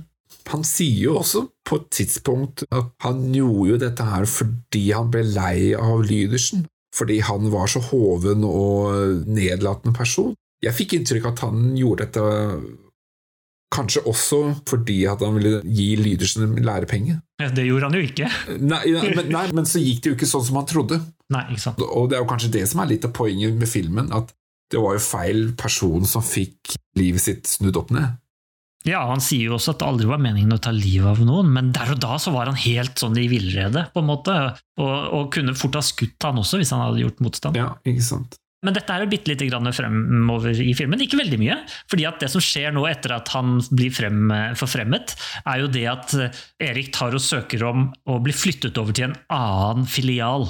Og da søker han om å få flytte fra Drammen til Oslo. Og det innebærer jo ikke bare at han bytter jobb og tar toget hver dag, det innebærer at de tar og pakker ned hele huset, deres flotte hus i Drammen, ikke sant? litt ute på bygda der, mot at de må flytte inn i en dårlig liten leilighet inne i Oslo. Han, kona og ungene, og dette går jo fryktelig, ungen, og dette går jo fryktelig utover da kona som blir sur og grinete. Men underveis når de pakker, så tar hun jo champagnen som hun egentlig hadde tenkt å sprette når Erik fikk forfremmelsen, og putter inni denne treesken som da sønnen slår igjen med spiker og hammer. Ja. Men jeg syns jo ikke det, den leiligheten i Oslo er så veldig mye mindre enn den de flyttet fra, er den det? Nei, men jeg, det tror jeg det er meningen at den skal virke som. Ja. Og Dessuten sier hun det jo også at hun har jo ikke hatt et eneste fornøyd, eh, glad sekund etter at hun flyttet til Oslo fra det flotte huset i, i Drammen. Igjen får jo en frokostbordscene hvor vi igjen ser at tonen mellom kona og barn og, og, og Erik da er jo også helt annerledes igjen. Altså, det blir bare verre og verre. I grunnen, ja. Og så neste scene så vises det jo Lydersens frokostbord. Ja, for han har jo blitt forfremmet igjen. Nei, ikke en gang til. Han har blitt postmester. Jo. Var det en dobbeltforfremmelse? Ja, men her er det gått litt tid. Ja vel, ja. Det er det de sier på det bordet hos Lydersen. Og jeg trodde dette her egentlig bare var to forskjellige navn på samme ting. Ja, nei, det tror jeg ikke. Ja vel, ja. Da har han sikkert løyet litt til, da. Ja, det er helt sikkert. Det som skjer, er i hvert fall at Tankred Ibsen nok en gang bruker disse frokostbordscenene for å stille disse to personene mot hverandre. Nettopp. Og Berge får jo jobb i Oslo, som du nevnte, og... men der føler han seg liksom fremmed, og han blir jo nærmest bare oversett. Ja, og grunnen til det er jo fordi at han trodde jo at han kom til å få et nytt liv ved å flytte til Oslo. Ja. Men tingen er at altså er det et sted hvor informasjon flytter seg på dette tidspunktet, så er det jo i, i postvesenet. Så, så de vet jo om selvfølgelig at eh, han her er jo liksom den Ja. eh, feigisen. Ja, Så var, de føler jo det at nå har de fått en feigis som eh, ansatt, så han har jo ikke noe vits å bruke tid på. ja, ikke sant? Fordi han hadde kanskje sett for seg at han kunne flykte fra ryktene, men det Mhm. gikk jo ikke. Absolutt. Nei, ikke sant. Den eneste personen som faktisk han ikke klarer å flykte fra, eller han klarer ikke å flykte fra noen, det er litt poenget her. Fordi han, han tyven følger jo etter han inne i Oslo. Og, og, og i parken og i parken så møter han jo han derre Erhard, eller hva han het for noe. Engelhardt. Engelhardt, ja. altså, her, her må jeg si at her begynner filmen å rakne for meg, altså. ja For det er, jo, men det, det er jo ganske usannsynlig, fordi Lydersen bor vel i Drammen, og pensjonatet er vel i Drammen, og det er jo der Ja. disse her gjestene Og så plutselig så er jo da Bergersen på sånn rusletur, og så møter han han derre Engelhardt som bare helt tilfeldig på en benk. Jeg syns det er veldig usannsynlig, altså. Det, det er jeg helt enig i. Men jeg tror vel egentlig ikke at det er tilfeldig. Jeg, jeg tror jo det at Erik er det tilfeldig, men Engelhardt har planlagt det der. Tror du Fordi, det? Engel, fordi Engelhardt tror ikke på Lydersen. Engelhardt liker ikke Lydersen. Jeg tror det er planlagt. Men det er jo Berger som sier ting her. Engelhardt sier jo ikke så veldig mye. Han sier nok. Tanken er jo at det er jo ikke han som gir seg i den samtalen, tror jeg. Mm. Så øh, jeg tror vel egentlig at uh... Ja, jeg, jeg, jeg syns det virka veldig sånn teit scene. Litt på nesen, syns jeg også. Ok. Men det er kanskje som du sier, at Engelhardt har kanskje oppsøkt han. Jeg tror Engelhardt oppsøker han, fordi at han har jo ingenting til overs for Lydersen. Det er jo sant. For meg, i den samtalen, så virker det som at Erik på en måte ikke bærer noen nag mot da Lydersen, og dermed så gis den tråden opp, på en måte, og at dette her er bare en måte å, å få Engelhardts rolle til å virke som at han faktisk gjør noe annet enn å bare si dritt om Lydersen. Han, han Ifølge Berger da, så er jo liksom hele samfunnet mot han. ja, Han sier jo at det er jo samfunnet som har favorisert eller belønnet eh, Lydersen fordi ja, et eller annet av ranet. da. Altså, ja, fordi han har jo fått den uh, forfremmelsen igjen. riktig. Men kjenner du igjen det området de går i? For jeg kjente ikke det igjen. eh. Det turområdet? Ja, for det, det, virker som at det var Dette er jo vinter, da, men det, det så nesten ut som at det gikk langs et vann, eller noe sånt. Og så er det en sånn eh, fin, høy tårnbygning i bakgrunnen. Jeg, skjønte ikke helt hvor dette kunne være. Det er ikke lett å vite, du. Hvor i Oslo kan dette være? Og så kan det På være, 30 kan det være ute ved Lysaker, Sandvika, kanskje? Han trenger ikke å være så langt ute, vet du, fordi Nei. det kan det selvfølgelig være, men altså, hvis vi tenker eksempel hvordan så det ut på Majorstua for eksempel, på 30-tallet? Altså, det var jo jorder og sånt på Majorstua på 30-tallet. Det kan selvfølgelig være et jorde også. Ja. At det kan være en bygning som ikke eksisterer i dag også, for den saks skyld. Ja. Jeg kan ikke si jeg ser hvilken tårnbygning du snakker om. Nei, men det, det det er mer i sånn en slags gård, eller eh, en sånn fin, finere gård. Å ja, ok, jeg skjønner hva du mener. Ja. Det lurer jeg på For jeg tenker, altså, Hvis dette skal forestille at han er i Oslo og går liksom fra postkontoret og så rusler en tur, da, så kan det jo ikke være langt unna. Nei, du, jeg tror det er jorder, jeg, altså. Tror du det? Ja, Jeg tror kanskje det er en gård. Eller, eller en militær eh, ja installasjon. Kaserne eller noe sånt. Ja. Kan godt hende. Uansett, eh, de, de går et sted. Og jeg er helt sikker på at uh, Engelhardt går der for å oppsøke han. Etter hvert altså, dukker det jo opp en fyr når han sitter på jobb. Ja, fordi tyven Eller ja, hvor, hvor, hvor var det nå, sa du? Ja, fordi Etter at Engelhardt har pratet med dette, her, så går det en scene om at han sitter på jobb. E- Erik sitter på jobb, og da skriver han i boka si 1937. Og jeg vil tippe at det er poenget med det er å vise at nå har det gått tid, sånn at nå er vi i 1937. Ja, ja, ja. Og da kommer det da en mann inn med et skjerf rundt halsen og hatt på hodet og spør om det er kommet en pakke. Ja, fra Og denne, Drammen. mann, ja, og denne mannen har sendt pakke fra Drammen til Oslo. Og denne mannen, han ser da Erik sitte der, og ser hvem det er. Med en gang, selvfølgelig. Ja, ja. Og når Erik ser opp, så snur han seg litt bort. For han vil ikke egentlig bli lagt merke til. Men tror du eh, den pakken er tyvegodset? Ja, det tenkte jeg også at det er sikkert, men det er såpass lenge etter Ja. at jeg tror det er tilfeldigheter. Jeg tenkte liksom nå, hva, hva, hva i all verden skulle han ha sendt fra Drammen, tenkte jeg. Ja, ikke sant? Det kan ha vært tyvgodset, selvfølgelig, men da må det ha vært en annen person som har sendt det. Eller han har sendt det, da. Han kunne ha sendt det selv, og så plukka det Ja. sjøl. Ja. Det, er jo- det er jo faktisk en ganske snedig måte å gjøre det på. det. Jo da, jo da. Og så er det ganske lenge etter, da. Jeg veit ikke. Uansett, da.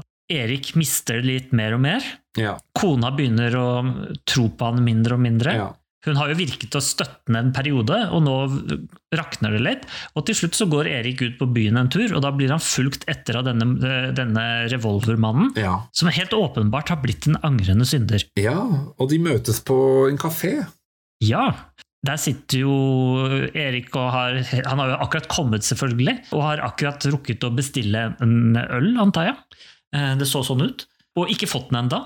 Så når da denne mannen setter seg ned, en helt vilt fremmed mann setter seg ned ved bordet hans og spør om det er helt greit, og han tenker ja, ja, hva kan være det verste som kan skje?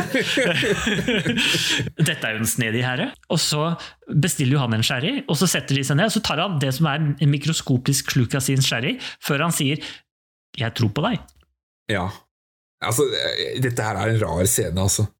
Men her det er helt åpenbart at Tankred Ibsen prøver å gjøre noe veldig fort. Dette her eh, går, som du sier, det går veldig fort, fordi plutselig så er de perlevenner, ikke sant? Og Ja.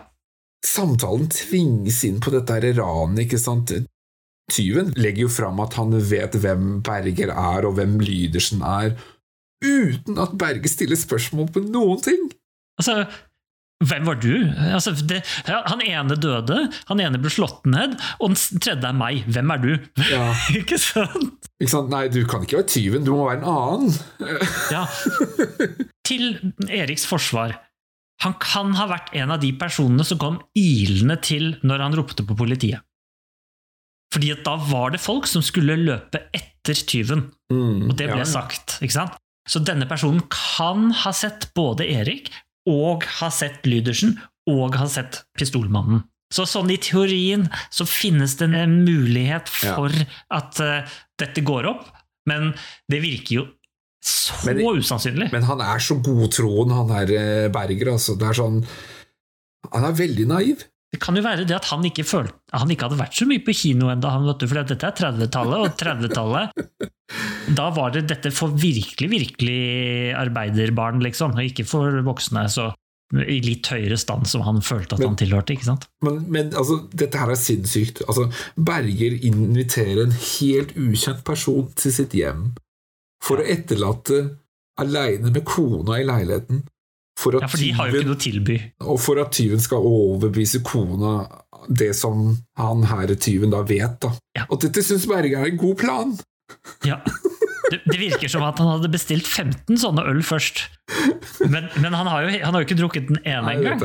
ja, det Men det skal, det skal jo sies at Berger altså han er veldig langt nede på dette Jo tidspunktet. han er en og svak person. Han, han, han er svak person, og han får høre noe av denne personen som tror på han, og sier de riktige navnene. Han sier jo Lydersen, han sier jo Berge, og jeg vet hvem det var, og Ja. alle disse tingene. Hva er det verste som kan skje da? At han sier til kona at jeg har, at jeg har hatt rett? At jeg gjorde det riktige? Det verste som kunne skjedd, det er jo at tyven eh, kunne ha skutt kona. Men det vet jo ikke han, for han tror jo ikke det er tyv. Nei. Nei, På nei, dette det er tidspunktet sant. tror jo han at han er en person som løp etter tyven, Ja. eventuelt, eller, eller noe sånt. Og så han var en heltemodig fyr. Og det kan jo være at de har sagt flere ting. Men selv om filmen viser at det virker som at det er i setning to han sier 'du, vi drar hjem', Ja. kom, Men men, de- må men- kona. ja, men de ender jo i hvert fall uh, hjem, da, for han uh, inviterer jo tyven Jeg husker jo ikke helt hva han heter, egentlig. Rognås heter han. Rognås, ja. Og tyven og kona sitter jo da uh, alene og, og begynner å snakke sammen. Og dette her er komisk. Jeg er vel en av de få som virkelig kjenner det. Som uh, forstår deres mann. Jeg som forstår at han handlet som han gjorde. Forsvarer de at han ga fra seg kassen? Ville de heller at han skulle gjort eh, motstand Kanskje. Jeg vet ikke. og litt uh, skudd? Jeg vet ikke. Kanskje. Ja, alt er bedre enn denne uendelige grå hverdagen uten et eneste lyspunkt, uten gleder og håp. Bare fullt av skuffelser og ydmykelser. Også på spørsmålet om mannen kunne bli skutt, så sier kona ja, det er jo faktisk en god idé. Ja. Altså- men, men hadde det ikke egentlig Hvem sier noe sånt? Nei, ikke sant? det kan du lure på. Men, men, men hadde det ikke egentlig vært bedre? Sett at han hadde blitt skutt i armen. Hadde han blitt skutt i armen, så hadde han blitt den helten. ikke sant? Hun tenker på den tapte statusen, statusen, og at ungen blir banka opp på skolen. og sånt. Kanskje det hadde vært bedre at han hadde fått et lite kjøttsår i armen. da. Men det er klart, Det er veldig spesielt å ønske mannen skutt, da. Ja, det virker jo som at hun sier at jeg skulle ønske han var død. sånn Ja, at... ja, ja ikke sant? Ikke sant? Eh, nei, det derre Ja, ja. Og det, det virker jo som at uh, godeste Rognås sliter litt med det, hva denne kona sier, så han går jo bare. Ja, fordi kona sier jo at hun hater mannen som ødela familien og livet, og det, er jo, og da, og det tar jo han Rognås veldig inn på seg, Ja, Og så drar han. og, og stikker av. Og nå er vi jo selvfølgelig i sluttfasen av filmen. Ja, ja. Eh, I hvert fall siste delen av filmen. Og, og Rognås han har jo allerede vært litt angrende synder, for han har jo gått og oppsøkt Erik. Ja. Ja. Så han er jo helt åpenbart angrende synder. Og når kona nå da sådde dette her i hodet hans, at hun hater han virkelig. Oppriktig hater han pga. at han, han har ødelagt hennes liv. ja. Og hun var jo ikke der engang. Mm, Ikke sant? Eh, Og det, det eh, plager han veldig i scenene som kommer. ja. Men det er jo litt av det der at uh, altså, Ja, de, de ja. handlingene man gjør, da, har jo kanskje helt andre konsekvenser enn enn det man først trodde eller ønsket. da. Uh, Rognås ville jo bare at uh, kanskje stjele noen penger, og, og at Lydersen skulle få det verre. Men det var jo ikke sånn det blei. Og dette her er jo sånn, Han stikker jo av ikke sant? og drar hjem til seg selv. Og dette syns jeg er en nydelig scene. Han sitter ved pianoet, Ja, det er det faktisk. og, så, og så spiller han veldig fint og er veldig ettertenksom eh, der. ikke sant? Og røyken stiger, og med Film sterke skygger. Det er film noir. Det er en nydelig film noir. Ja, ja. Lars, det, er, det er nesten mer film noir enn film noir. For å komme til en film noir som er mer film noir enn dette her, så må du faktisk til en av mine elevfilmer. altså. Rognås, tyven, inviterer jo Berge hjem til seg. Og så erkjenner jo tyven at det er jo han som er raneren. Det er jo ikke Erik sjøl som oppdager det, tyven sier jo faktisk eh, rett ut. Og så kommer det den, den korteste slåsskampen som eh, noen gang har sett på en film, tror jeg. Det var jo ikke noe slåsskamp. Nei, det var ett slag, og så Ja, det var greit. Ja, og måten han slår på, syns jeg er helt komisk. Fordi han, han gir han en upperhook, ikke sant? Ja, ja, ja. Eh, nærmest, og han gjør det med knyttneve rett i kjeven. Hvis du banker til alt du kan med knyttneven i kjeven, så tror jeg du brekker håndleddet. Altså. Ja, det Det er en fryktelig dum ting å gjøre. Kjeven tåler enormt mye. Ja, det var det, liksom. Det var, det var ikke noe sånn derre at eh, tyven, eh, eller Rognås, han slo tilbake igjen, og så var det sånn eh, skikkelig rabalder. Nei, det var bare dette et paff. Hvis vi ser bort ifra at det slaget er litt sånn pinglete, Ja. så føler jeg liksom at dette egentlig var en veldig bra måte. Fordi det virker så ekte. Det virker som at Rognås han er denne angrende synderen. Han har tenkt at han kommer til å bli slått pga. dette. Når han sier det, så kommer han til å reagere. ikke sant? Potensielt voldelig og kommer til å slå meg. sant? Men Erik er jo egentlig en ganske bra mann. Han, han vil ikke gjøre noen personer vondt i det hele tatt. Men der og da så bare banker han til, fordi at det er liksom overraskelsen, effekten av at han får vite det. Alt sinnet skal ut. Og så var det, det var hele hans følelsesmessige reaksjon, som på en måte var ute på ett slag. Og etter det så blir han seg selv på en måte igjen. Altså Han blir den der trist Altså Han blir trist, liksom, fordi han skjønner Han, han vet at vold ikke hjelper. Så at det her Han, han bare roer seg automatisk ned på en måte og bare henger over sofaen og er mer trist. Ikke sant? Akkurat i den scenen hvor de står og, etter at han har hatt denne upperhooken, Ja. og så står jo tyven over, og, og de snakker sammen, og hvis du ser på bakgrunnen der, i det rommet bak Ja. Altså, hele veggen er fullt med sverd og pistoler. Jeg vet ikke om det er tiltenkt at man skal liksom prøve å fremstille Rognås som er opptatt av våpen. Jeg vet ikke, men det virker veldig påfallende, da. Det er jo klart, En annen ting jeg tenkte på, var jo det at hvordan i all verden har han fått tak i den leiligheten? Den ser jo virkelig fasjonabel ut. Ja, Men han jobber jo bank, da. Var ikke han nettopp i pengekrise? Og så sier han at nå og så Ikke sier nå, han at nå, ja, så, han, så han har tatt de pengene han stjal, så har han fått de, og så har han sikkert brukt de på en god måte og tjent mer penger, sånn at nå har han mulighet til både sende pengene tilbake igjen, samt at han har gode penger. Så moralen her er at forbrytelser lønner seg. Ja. Men, men jeg må si det at jeg føler litt at Erik her er relativt troverdig. Jeg tror at den personen som er som Erik, ville reagert på den måten han gjør. Blåst ut på et lite sekund der, og så bare Jeg er egentlig ikke denne voldelige personen. Ja, jeg skjønner karakteren at Erik er liksom den derre som ikke tror på vold, øh, at det løser noe, osv. Men jeg skulle gjerne ha sett at det var litt mer reaksjon, da. På akkurat den der at han drar til han i Ja, ansiktet. han også. slår jo ganske hardt. Ja, altså, han, han står liksom bare der og tenker Ja, ok, men det var greit at du slo meg, og så, og så var det det, liksom. Jo, men, men det, han har, poenget mitt var jo at han har forventet det slaget. Han har forventet noe mer, egentlig. Han føler at han har fortjent det slaget. Det, det skjønner jeg. Ja. Men når du får et slag i ansiktet, så vil jo kroppen reagere uansett. Altså, det er jo et instinkt, ikke sant? ja da, ja da, jeg er enig i det. Jeg hadde forventa litt der, da. Litt rabalder. Altså, hvis man ser i forhold til Fant, der var det jo skikkelig rabalder. Ja, Og det er jo Ibsen, det òg. ja, ja. ja. Så det er jo ikke det at han ikke kan lage sånne scener. Her er det to personer som Altså En som forventer å bli slått og føler at han fortjener å bli slått, og en person som egentlig ikke vil slå, men slår. Og da ender det sånn, tenker jeg. Om han ikke hadde slått han eller at han istedenfor så hadde han kanskje tatt en stol og hivd de ut av vinduet, eller altså hatt, hatt litt aggresjon, da. Eller bare fortvilelse, som gjorde at Ja. han bare falt ned i sofaen, eller Utførelsen av den scenen var litt sånn ja tam. Etter denne samtalen så fyker jo Erik hjem og forteller til kona at vet du hva, mannen du pratet med her forleden, var mannen som har stjålet fra oss alle muligheter. Og da sier kona ja, ring politiet, ikke sant? Ja. Naturlig. Og sier Erik nei, det vil jeg ikke gjøre. Det er jo ganske fornuftig, da. Ja, Jeg vil ikke ødelegge nok et menneskes liv, på en måte. Bare Lydersen. Bare Lydersen, ja.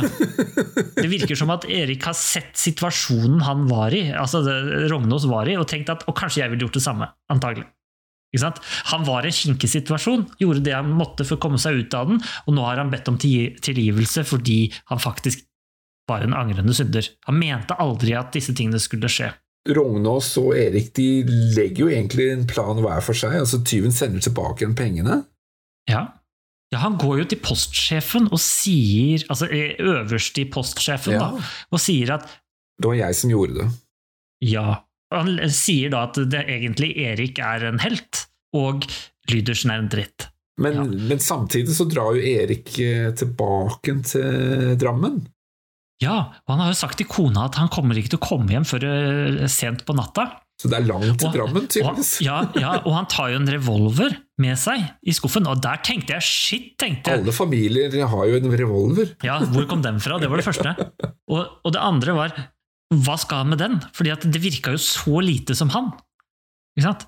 Erik har jo virka som en fornuften selv ikke sant? gjennom hele filmen, og her så selv når han sto øh, ansikt til ansikt med da denne personen som har frarøvet han mange muligheter her i verden, så øh, nøyde han seg med ett slag, og nå skal han plutselig ta med seg en revolver. Hva er det han skal gjøre da, liksom? Og Jeg trodde et øyeblikk at han, nå skal han rane penger og stikke av og begynne et nytt liv, tenkte jeg. At det var ja, det en, jeg også. eneste utvei på en måte for å få det han alltid har ønsket. Ja, Det tenkte jeg også et lite øyeblikk, men så slo det meg at hele tiden så sier jo han det at grunnen til at han ikke gjorde motstand, var jo for å ta vare på sønnen og familien. Mm, ja. Ikke sant? Så det er ikke noe vits for han å stikke av. Så det er jo spørsmålet, hva skal han gjøre da? Er det faktisk en hevn mot Lydersen, at han drar dit for å møte Lydersen og skyte Lydersen, og så stikke av? Nå vil han jo sette Lydersen i, i samme situasjon igjen. Ja. Og, og, og, Rane tvinge, Lydersen. Ja, rane han og, og tvinge fram en tilståelse. Eller, eller i hvert fall få Lydersen til å vise sitt sanne jeg, da. Ja. Eh, Så, så når alle har dratt fra banken, og Lydersen er den eneste som sitter der, og han har klart å skjule for alle andre at han ikke jobber, men leser aviser, ja, ja, ja. uh, uh, så kommer da Erik inn, og det er helt tomt. Ingen andre mennesker der. Mm. Og han drar fram da en pistol, og uh, truer Lydersen og sier det, at hvis du, du får to minutter på deg til å bestemme deg om jeg skal skyte deg, eller om du skal gi meg pengene, og så tikker klokka, og så begynner han å trekke avtrekkeren, ikke sant? og du Mm. ser liksom hammeren begynner å bevege seg. Ja. Og da tar han og bare Ok, ok, ok, og så tar han og tar ut alle pengene og alt mulig rart og sier det, og gir dette her da til Erik, og Erik sitter der bare og ler og sier Nå var du som meg. Ja, men, men, men dette her eh, tenkte jeg litt på. Fordi Berger, han sier jo at eh, du kan ikke si dette er til noen, for alle vil le av deg. Mm. Altså, jeg skjønner ikke det, fordi ingen har jo sett at Erik kommer dit. Ingen vet det lille opplegget som Erik har gjort mot Lydersen. Så i prinsippet så har jo egentlig bare pengene dukket og kommet tilbake igjen, og som egentlig er enda bedre for postkontoret. Så hva er det egentlig Berger mener at folk vil le av Lydersen? For Berge har jo ikke noen intensjon og at det kommer fram at han har vært der og hva skal si, ranet eh, postkontoret i gåseøynene. Han Nei, vil, han vil jo holde alt dette skjult. Ja, men hvis han ikke hadde gjort det, så hadde han ranet posthuset, og da ville jo han bli sett på som en dårlig fyr. Altså Lydersen. For da hadde han vært feig, ikke sant? Jo, men det er jo ingen som vet at det har foregått et ran der. Poenget er bare å så denne informasjonen inn i hodet til denne ikke så intelligente Lydersen. Få Lydersen til å liksom falle ned fra sin høye pedestal. Det er jo sant, men Lydersen kunne like gjerne si ja, det var et ran, og jeg avverget det og beholdt pengene. Ja, jeg vet det. Men det kan han si til de andre, men han vil likevel selv vite. Det kan godt være at Lydersen selv har følt at det forrige ranet så ble han rett og slett dratt ned av en revolverkolbe, og gjorde, han gjorde så mye motstand som var fullt mulig, og så ble han bare banka opp. Mm, Og så etterpå husker han ingenting. ja. At han, han kan jo oppriktig mene at han var en helt. ja, det er faktisk sant. Og nå har han liksom fått oppleve hvordan det egentlig foregikk. Ja, ja. Det er jo egentlig filmen Nei, filmen er ikke ferdig ennå. ja det er lite grann igjen, ja, av filmen, og det er jo fordi Vi er på frokostbordet igjen. Ja, og denne gangen så er det jo den gledens dag hjemme hos familien Berger. Og eh, det er jo faktisk litt artig scene, fordi plutselig har de champagne.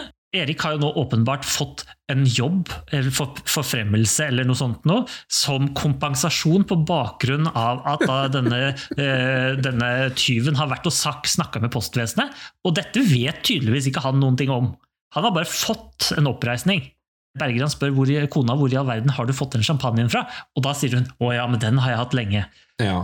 Og Det er fordi at den var for da hun, e- han egentlig skulle få forfremmelse. Og da, da heller de oppi champagne i tre glass til herren i huset, Erik, til kona og til ungen. Hvor gammel tror du ungen er? da? Eh, fem år? Jeg vet ikke. Nei, Han går jo på skolen. Han Ja, er åtte. Åtte, åtte, ja. ja, ja. ja. Det er ganske tidlig å begynne å drikke, da. Ja, Og du ser helt åpenbart at han, dette er champagne han drikker også. Fordi han reagerer jo på det. Ja. Det var litt andre tider i 1937. Ja, Det er jo ikke sikkert det var champagne oppi det han drakk, da, sånn i virkeligheten, men, men han har fått beskjed om å reagere på det, i hvert fall. Ja, ja, ja, ja. Så han reagerer på at liksom, han, han trekker i ansiktet og oh, det var sterkt. ikke sant? Og så har vi jo et siste bilde hvor vi faktisk ser utover Oslo havn. Jeg regner med at dette er Oslo, er det ikke det? Det tror jeg. Jeg tenkte litt på det der, fordi du ser jo at en båt seiler av gårde. Ja, Det kan være litt tilfeldig, men jeg tenkte jo tilbake på scenen før, i samtalen mellom Lydersen og Berger. For da sier jo Berger at ja, han hadde tenkt å flykte til Amerika. ja, det er riktig. det. Og så tenkte jeg hm, er det det som de faktisk gjør på slutten? Drar de til Amerika? Ja, det er mulig, men det gjør de ikke i den båten der. Nei da, men jeg tenkte sånn symbolsk sett. Forlater de Norge og drar til Amerika? Jeg tenkte øh, ikke det. Jeg tenkte at det var mer at båten forlot havnen, og at de var ferdig. Ja. måte At filmen dro ut i evigheten, på en måte. ja da. For de er jo fortsatt boende i Oslo, altså de flytter vel ikke Ja. tilbake til Drammen? Nei da. Som man skulle kanskje tro at de ville, da. Ja, det er jo spørsmålet. Kan jo være at den, det frokostbordet er jo i Drammen, men det tror jeg vel ikke. Er ikke det samme leiligheten? Jeg tror det er Oslo-leiligheten deres. altså. Ja. Kan vi jo alltids sjekke. Det er nok Oslo-leiligheten deres, ja. ja. Ja, det er det. Det er Oslo-leiligheten. De blir i Oslo. Ja. Eller drar til Amerika. Jeg tror ikke de drar til Amerika, jeg tror de blir i Oslo. Han har jo fått forfremmelse og oppreisning og hele pakka. Ja da, men det er jo eh, mange fine jobber i USA også, vet du. 1937, Ja, det er sant, det. det er jo da Ja, folk hadde lyst til å dra til USA, var det ikke det? Mm. i grunnen. Det burde være mulig å finne ut akkurat hvor den leiligheten i Oslo er òg, for det er et kirkeklokketårn der, ut av vinduet. Tror du det er en ekte eh, leilighet? At det ikke er et studio? Jo, det, ja, det tror jeg. Fordi at det filmstudioet på Jar det ble ikke eh, laget før etterpå, ble det ikke det? Eller var dette i studio på Jar? Vet Kanskje det er på Studio Jar. Jeg lurer på om eh, studio på Jar det ble bygget på tidligere 30-tallet? Ja, det var vel egentlig det. 1935. Jo, dette er spilt inn i filmstudio på Jar. Leiligheten i Drammen det, det er tydelig et studio, fordi det som man ser utenfor, det er kulisser. Ja, ja. ja, det er sant, det. Så dette er jo det. Du kan jo tenke hvor det skulle være, da. Det Kirketårnet ser ut som Aker kirke, for eksempel. Ja, kan hende. Men det er ganske generisk. Mm. Det kan være hvor som helst. Eh, Altså Bare sånn liten eh, sideslenger her. Man ser jo faktisk en scene hvor du panorerer over Oslo, og så ender du faktisk opp på Slottet. Ja. Så det er ganske interessant å, å se hvordan Karl Johan og Oslo var på den tiden. Altså. Jeg syns alltid det er litt moro. Det er moro, altså. Absolutt. Og der de kommer gående når de møter hverandre, er jo på Nationaltheatret. Eh, hvem møter hverandre? Rognås ser eh, Og, ja, og Berger, ja. Og Berger ser hverandre. Du sier Rognås ser Berger, ikke motsatt. Mm. Er det på Nationaltheatret? Det, det er der fontena er nå, på en måte. Å, er det det, ja? Ja. Ja, Det la ikke jeg merke til. Det var retning mot universitetet, da. Ja, ja. Jeg mener også det er en scene hvor det, man ser at det er mer sånn vårsommerstemning, og så ser man Karl Johan med trær Mm. og sånn. Jeg tror det må Ja være Det er eh, verdt å se den filmen, altså, sånn for, Absolutt. for Vil bare du- å se Oslo. Vil du anbefale filmen, eh, Lars? Jeg tenkte litt på det. Jeg må innrømme at når jeg valgte filmen, så trodde jeg at jeg skulle få se noe annet. Så jeg ble litt, litt sånn halvveis skuffa. Men nå som du har sett den, så, og du vet at dette er forventningen Jeg syns ikke det var en veldig god film, men Nei. den hadde noen interessante scener ved seg. og Jeg synes tematikken i filmen synes jeg er eh, fin. Altså, det her med at eh, familien er viktig, Erik setter familien over sitt eget Ja, hva, hva tenker du? Ja, jeg tenker at hvis du liker svart-hvitt-film, og du vil ha en film som er enkel å forstå, lett og fordøyelig, underholdende, Mm. det er den absolutt. Den har noen morsomme scener. Det er noen scener Jeg lo faktisk høyt i stua, helt alene. Det var litt rart, men jeg gjorde det ved flere anledninger. Så den er tidvis morsom, Ja. og ikke bare komisk fordi den er gammel. ja. Så jeg vil jo si at den er verdt å se, men jeg vil ikke anbefale den til noen som på en måte forventer dagens tempo, dagens korrekthet, eller ikke liker svart-hvitt-film. Jeg syns den har noen fine temaer som den tar opp. Ja. Og i forhold til dette med arbeidslivet og hvordan det fungerer, i disse sosiale lagene og sånn. Så var den jo viktig sånn rent filmhistorisk også, at det var mange filmer som ble pumpa ut rett etter hverandre av Tankred Ibsen der, Ja. eh, som alle sammen var med og bygde liksom norsk film. En Ja. fin film. Absolutt. Eh, På min topp 25? Nei, det er den ikke. Der får en annen Tankred Ibsen-film stå, fant.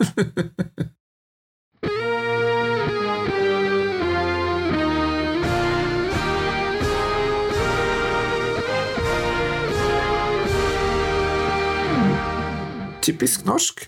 Ja, jeg har tenkt på det, og kjernefamilien er vel det typisk norske jeg tenker på. Jeg var også inne litt på det samme, akkurat det der med frokostbord og, og det med kjernetiden og idealfamilien. da. De sitter og spiser morgenmat. Det, det er jo ganske typisk, da. Men jeg syns det er interessant at filmen bruker dette frokostbordet sånn ganske gjentagende. Mm. Det dukker opp uh, titt og ofte hvordan de viser hvordan familien har det.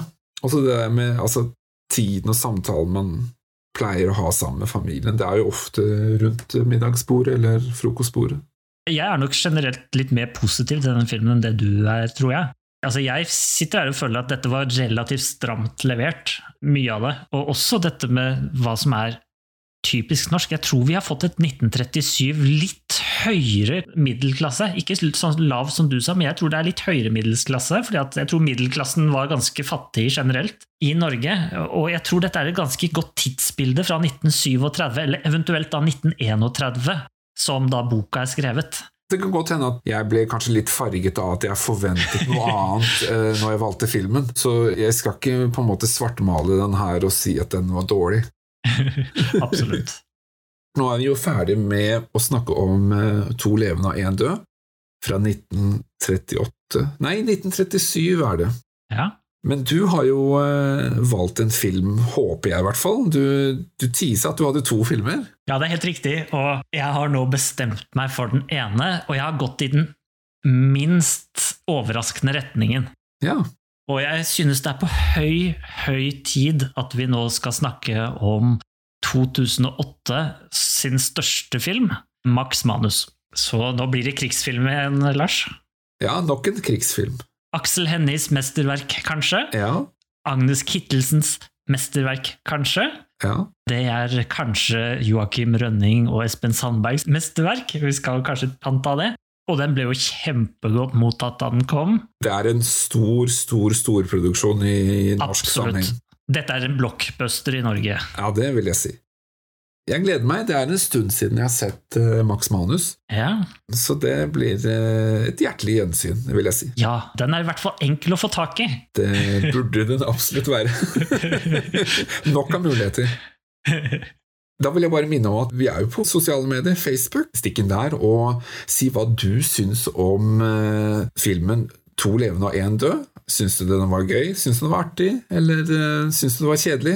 Si din mening på Facebook. Og hvis ikke du vil innom Facebook og snakke med oss, så kan du jo skrive til oss på Instagram. Det er veldig raskt. Da får vi eh, svart deg veldig, veldig fort. Har du tips eller kommentarer til vår podkast? Det kan du også gi en melding på Facebook eller Instagram til oss. Da er det jo bare å si ha det bra. Ha det bra.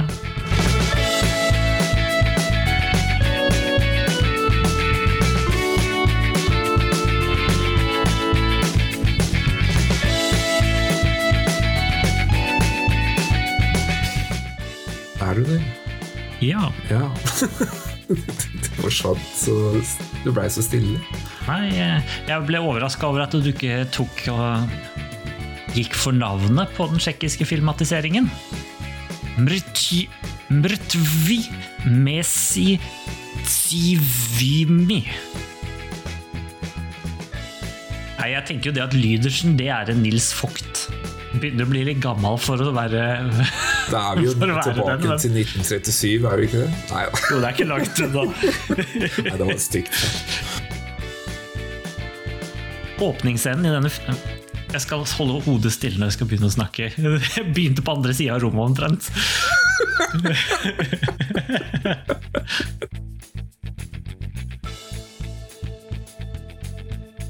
Har du tips og triks Tips og triks, ja. Har du tips og Det er vi som har de.